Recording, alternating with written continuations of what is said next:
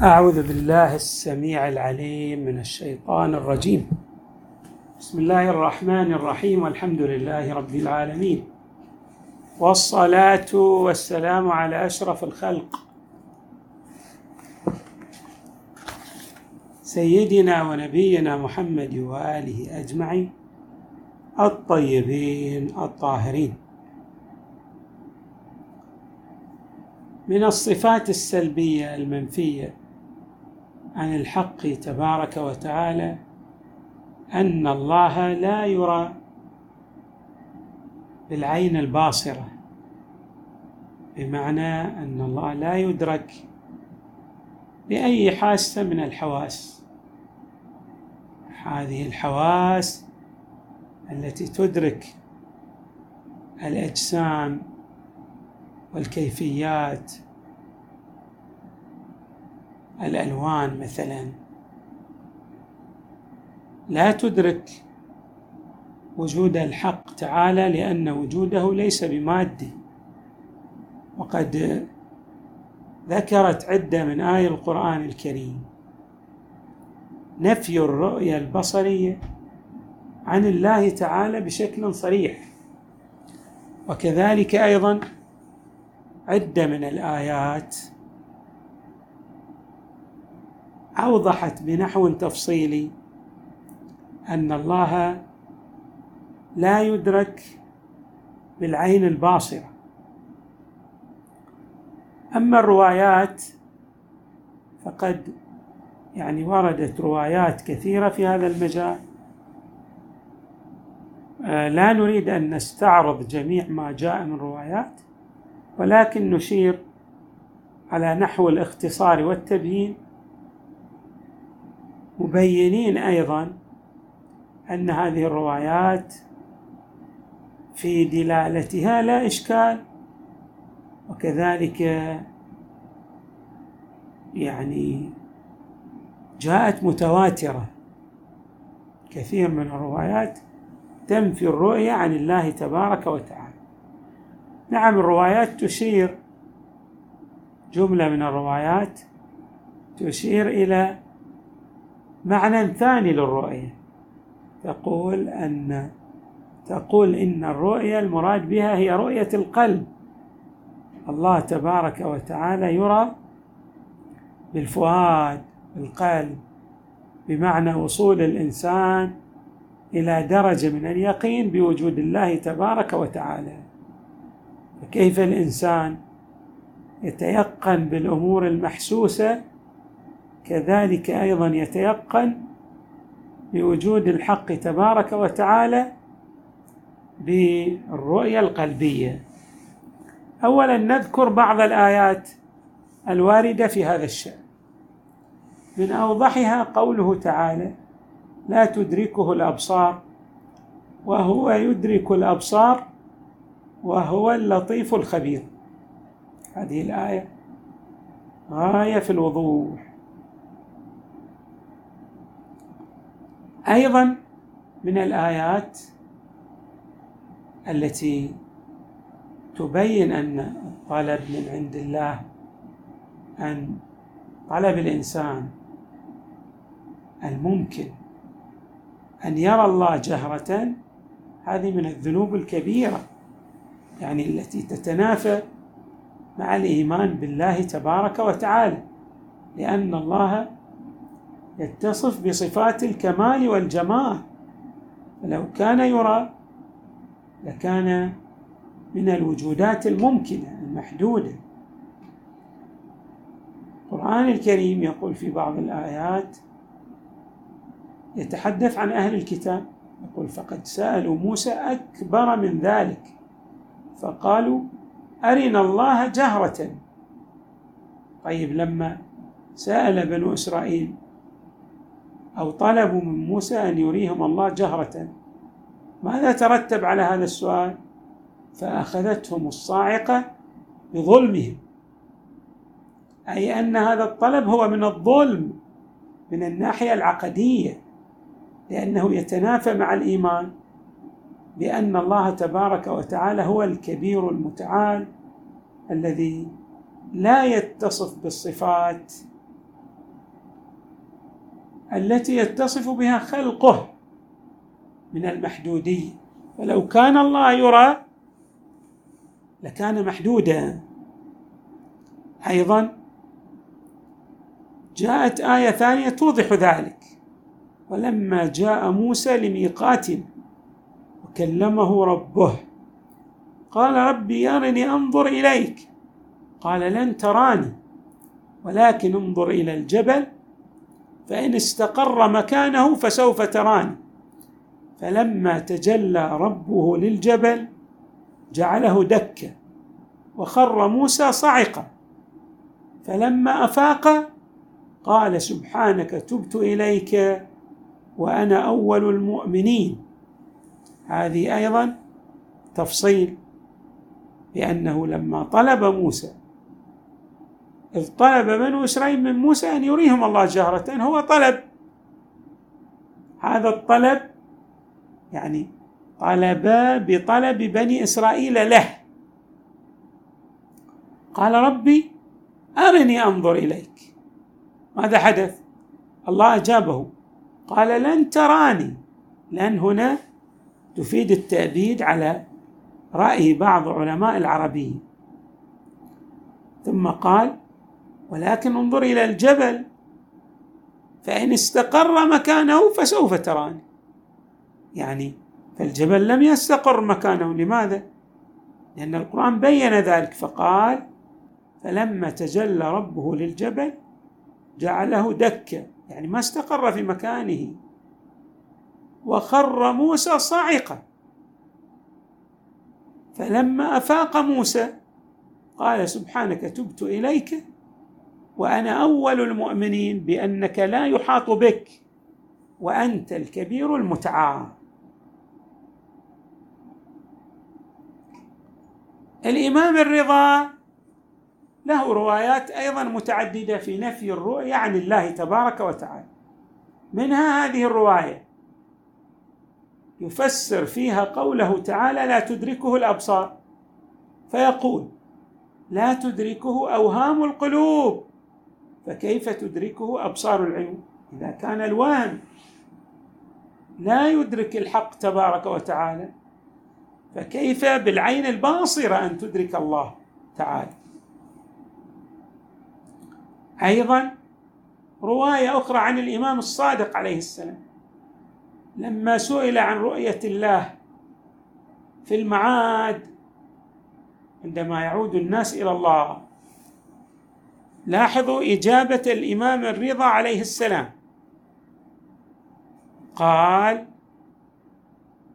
سبحان الله سبحان الله وتعالى علوا كبيرا. يا ابن الفضل الراوي السائل إن الأبصار لا تدرك إلا ما له لون وكيفية. والله تعالى خالق الألوان والكيفية. معنى أن الله معنى الرواية أن الله لا يرى لأن هناك شرائط للرؤية. هي مثلا أن يكون المرء له لون يكون له كيفية خاصة. والله خالق هذه الكيفيات فكيف يكون مخلوقا كي يرى؟ أيضا روي عن رسول الله صلى الله عليه وآله في هذا الصدد في هذا الشأن في صفة الله. قال صلى الله عليه وآله فتجلى لخلقه يعني ظهر لخلقه. الله أظهر من كل ظهور. الله متجل للخلق. لكن ما هو معنى تجلي لله تعالى بالنسبة لخلقه؟ النبي صلى الله عليه وسلم فتجلى لخلقه من غير أن يكون يرى وهو بالمنظر الأعلى. يعني هذا تجلي ولكن هذا الظهور والتجلي من قبل الحق تبارك وتعالى ليس بمعنى أن من تجلى له رآه بعينه الباصرة. وأيضا رواية عن إمامنا الرضا قال متجل يعني الله ظاهر لا باستهلال رؤية. ليس ظهور الحق تعالى كظهور الأشياء المرئية من الناحية المادية. طيب. الناس أو كثير من الناس تعود أن لا يصدق إلا بالمرئي من الناحية الحسية. طبعا عندنا أمور غير محسوسة. وهذه الأمور غير المحسوسة أيضا تثبت أن الله تعالى لا يرى ولكن الناس بالطبع يعني يصعب عليهم قبول أن الله لا يرى يتصورون أنه إذا قلنا إن الله يرى هذا أسهل لهم إذ لا يعرفون المعنى الدقيق لتوحيد الله تبارك وتعالى. ف يعني يرون أنه لا تنافي بين إثبات الرؤية لله تعالى مع كونه يتصف بصفات الجمال والكمال. ولكن النبي صلى الله عليه وآله والأئمة من أهل البيت عليهم السلام والآيات القرآنية الجميع. يعني الآيات القرآنية تؤكد على انتفاء الرؤية. كما ذكرنا لا تدركه الأبصار. وهو يدرك الأبصار وهو اللطيف الخبير. أو الآيتين اللتين ذكرناهما عن موسى عليه السلام.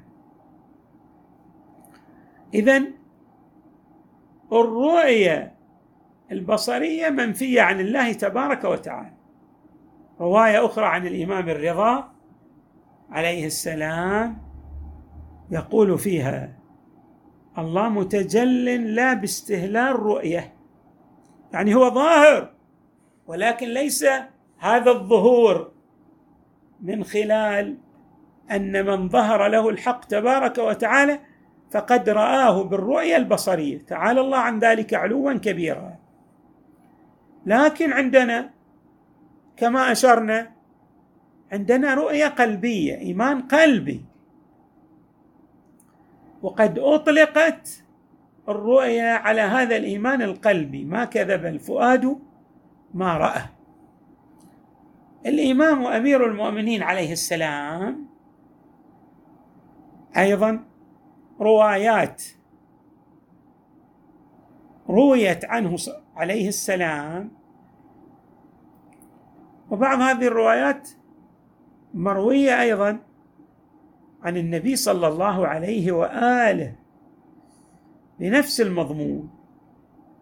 يعني تبين أن الرؤيا التي آه، نطلقها أو نصف أن الله نراه لا نراه بالعين الباصرة ولكن نراه بالرؤيه القلبية بالفؤاد.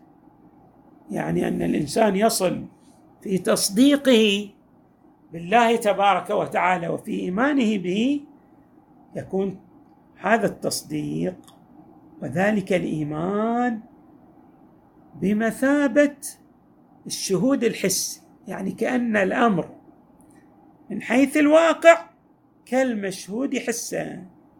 سنأتي إلى بعض الروايات الواردة في هذا الشأن. شخص سأل الإمام أمير المؤمنين عليه السلام. سأله عن ماذا؟ عن رؤية الله تعالى عن رؤية ربه. انظروا ماذا أجاب الإمام عليه السلام. قال ما كنت بالذي أعبد إلها لم أره. يعني نعم أنا رأيته. إذ أنا لا أعبد إلها لا يرى هذه الإجابة في ظاهرها أن الرؤيا ممكنة لكن الإمام يقصد معنى آخر ولذلك يوضحه. فيردف قائلا نعم. فيقول لم تره العيون في مشاهدة الأبصار غير أن الإيمان بالغيب بين عقد القلوب. يعني القلوب انعقدت على معرفة الله لكون القلب يدرك ولو بالإدراك الفطري بأن لكل موجود من هذه الموجودات الممكنة استناد إلى الله تبارك وتعالى. وقد سأل الإمام وقد سأل شخص الإمام أمير المؤمنين عليه السلام اسمه ذعلب. قال الإمام. يعني هذا ذعلب ماذا يريد أن يسأل الإمام؟ عن رؤية الله. الإمام اجابه قال ويلك يا ذعلب لم أكن بالذي أعبد ربا لم أره. تفاجأ ذعلب. قال فكيف رأيته؟ صفه لنا. قال ويلك هذه مو الرؤيا اللي أنا أقصدها. الإمام يتحدث عن نفسه. كالرؤيا التي أنت تتصور الله تعالى بها. تلك رؤيا وهذه رؤيا أخرى. يعني مو رؤية حسية ولكنها رؤية بالقلب. قال الإمام عليه السلام ويلك لم تره العيون بمشاهدة الأبصار. ولكن رأته القلوب بحقائق الإيمان. أيضا الإمام الرضا عليه السلام لما سأله رجل من الخوارج عن رؤية الله أجاب عليه السلام لم تره العيون. بمشاهدة العيان ولكن رأته القلوب بحقائق الإيمان. والروايات في هذا الشأن وفي هذا الصدد متعددة وكثيرة. سنستعرض أيضا آه، بعضا مما جاء في هذا الصدد لإعطاء يعني شيئا من الإيضاح والبيان حول مسألة الرؤية البصرية وأيضا مسألة الرؤية القلبية. نسأل الله تعالى أن يجعلنا من الموقنين بوجوده السائرين على هدي آي القرآن الكريم وما جاء عن النبي صلى الله عليه وآله والأئمة من أهل البيت عليهم السلام. والحمد لله رب العالمين.